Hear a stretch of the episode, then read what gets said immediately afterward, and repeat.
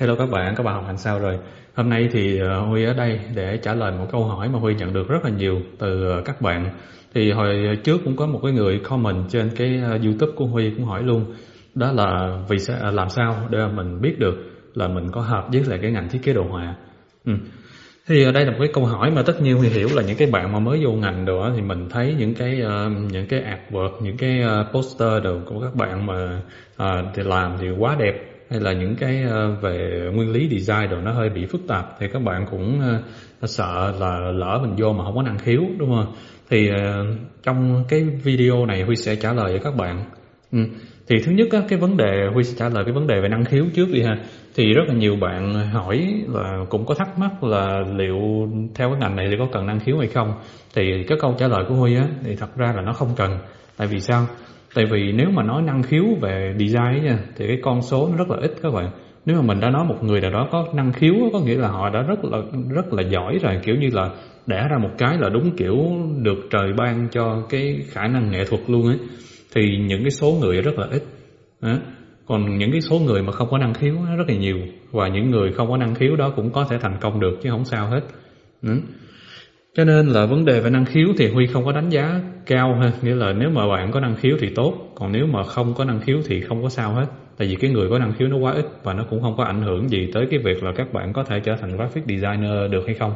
Thì đó là vấn đề năng khiếu. Thứ hai đó là cái câu hỏi là nếu mà làm sao mà để chúng ta biết được là chúng ta có hợp với ngành hay không thì Huy xin trả lời như thế này. Thật ra nha, đối nếu mà nói đúng nhất ấy, thì các bạn phải học, các bạn phải làm các bạn mới biết. Ừ, ít nhất không làm thì vẫn phải học một cái rồi mới biết được là các bạn có hợp hay không. Tại vì à, sao? À, khi mà học á thì mình được tiếp xúc với lại nhiều những cái tiếp xúc thực tế với lại những cái à, công cụ hay là những cái tư duy những cái lý thuyết hay là thực tế về cái ngành này thì các bạn mới biết được là liệu là chúng ta có đi theo ngành này được hay không. Thì rất là nhiều bạn sợ là ví dụ như là nếu mà chúng ta học á, thì sẽ tốn tiền, sẽ tốn thời gian. Nhưng mà các bạn phải nghĩ nó như thế này nè. Thật ra cái vấn đề mà chúng ta chuyển sang một ngành mới hoặc là chúng ta muốn làm một cái gì đó, bất kỳ một cái ngành nghề hay là một cái business nào đó thì chúng ta phải đầu tư, đúng không? mà đầu tư thì nó có thắng nó có thua à, nó đầu tư thì nó vậy mà trong tất cả mọi trường hợp à, ngay các bạn làm nhà hàng các bạn làm bất cứ thứ gì các bạn đều phải đầu tư cho nó Ừ. thì nó thì cái việc mà thắng thua đó là cái chuyện rất là bình thường. Thì bây giờ chúng ta chỉ cái câu hỏi nó không phải là làm sao để mà chúng ta biết hợp hay không một cách miễn phí mà câu hỏi thường nó sẽ là làm sao để biết hợp hay không mà với một cái chi phí nó rẻ nhất. Đó. Thì thì cái đó là cái câu hỏi chúng ta cần phải hỏi thôi. Thì trong giáo dục á, nếu bạn nào làm giáo dục sẽ hiểu nó có một cái uh, mô hình để học mà cho nó rẻ nhất và để cho nó chính xác nhất để biết chúng ta hợp cái gì hay không á đó là mô hình chữ T. Ừ. T-shape á. thì mô hình chữ T nó như thế nào? Thì chữ T mọi người biết nó có một cái gạch ngang và một cái gạch dọc đúng không? Thì đối với graphic design á, nó không phải là một cái ngành mà nó là tập hợp của rất nhiều những cái ngành nghề khác nhau. Ừ. Nó có nhận diện thương hiệu nó có UI UX nó có editorial nó có packaging. À, thì chúng ta không biết được chúng ta học cái nào. Thì ban đầu chúng ta sẽ học theo cái chiều ngang Thế là chúng ta sẽ học ờ, một cách nông nhưng mà chúng ta học rộng. À, rộng nhưng mà nó nông thôi nó không cần phải sâu. À, nghĩa là các bạn phải được uh, tiếp xúc với lại branding tiếp xúc với packaging à, tiếp xúc với AI với Photoshop với lại Figma. À, để mà chúng ta hiểu được là ở trong đó nó nó nó, nó hoạt động như thế nào có đã. Từng cái từng cái để xem thật sự chúng ta hợp cái gì. À, thì lúc đó chúng ta mới học sâu vô là cái cái gạch dọc của chữ T đúng không? Thì ví dụ các bạn học xong các bạn thấy học Figma. Đó, thì các bạn học sâu về Figma hay là học xong thấy học quảng cáo hơn thì học xong về quảng cáo. Thì lúc đó các bạn đi nó không có sai được. Đó, thì basic của mô hình chữ T là nó như vậy. Rồi, thì ờ, đối với Huy, ờ, cá nhân Huy khi mà Huy học ở RMX nó cũng theo đúng cái mô hình đó luôn. Là ban đầu bây giờ á, thì không Huy không biết có còn như vậy không Nhưng mà cái thời Huy học á là Huy sẽ học rất là rộng trong vòng đâu đó khoảng một năm rưỡi đầu. Đó, Là học tùm lum tá lả hết. Sau đó mới chọn nhánh xong rồi mình đi rẽ nhánh xuống. Thì uh, cái đó nó, nó nó giúp cho Huy biết là Huy thật sự hợp với branding. Thì bây giờ DS cũng vậy thôi. Uh, với DS cũng có một cái combo khóa đó là combo khóa Photoshop, khóa AI với lại khóa Figma. Thì các bạn học ba cái cái này là ờ, là sẽ có ba giảng viên tư vấn cho các bạn là các bạn nên ờ, uh, hợp với lại uh, cái cái phân ngành nào. Thì ngay cả ví dụ như giảng viên anh đạt có khóa vector ảnh còn có một cái bài luận để mà các bạn nhận ra được là liệu cái hướng tiếp theo của các bạn là như thế nào và anh sẽ tư vấn là nhiệt tình.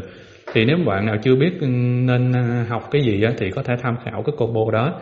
Hiện tại thì Huy chưa có publish cái combo đó lên Facebook tại vì nó Huy đang ưu tiên cho những bạn theo dõi Huy trước. Huy nói vậy thôi nên nếu các bạn muốn đăng ký thì ờ, cứ nhắn tin hỏi page ha tại vì nó sẽ full rất là nhanh nếu mà các bạn chậm chân.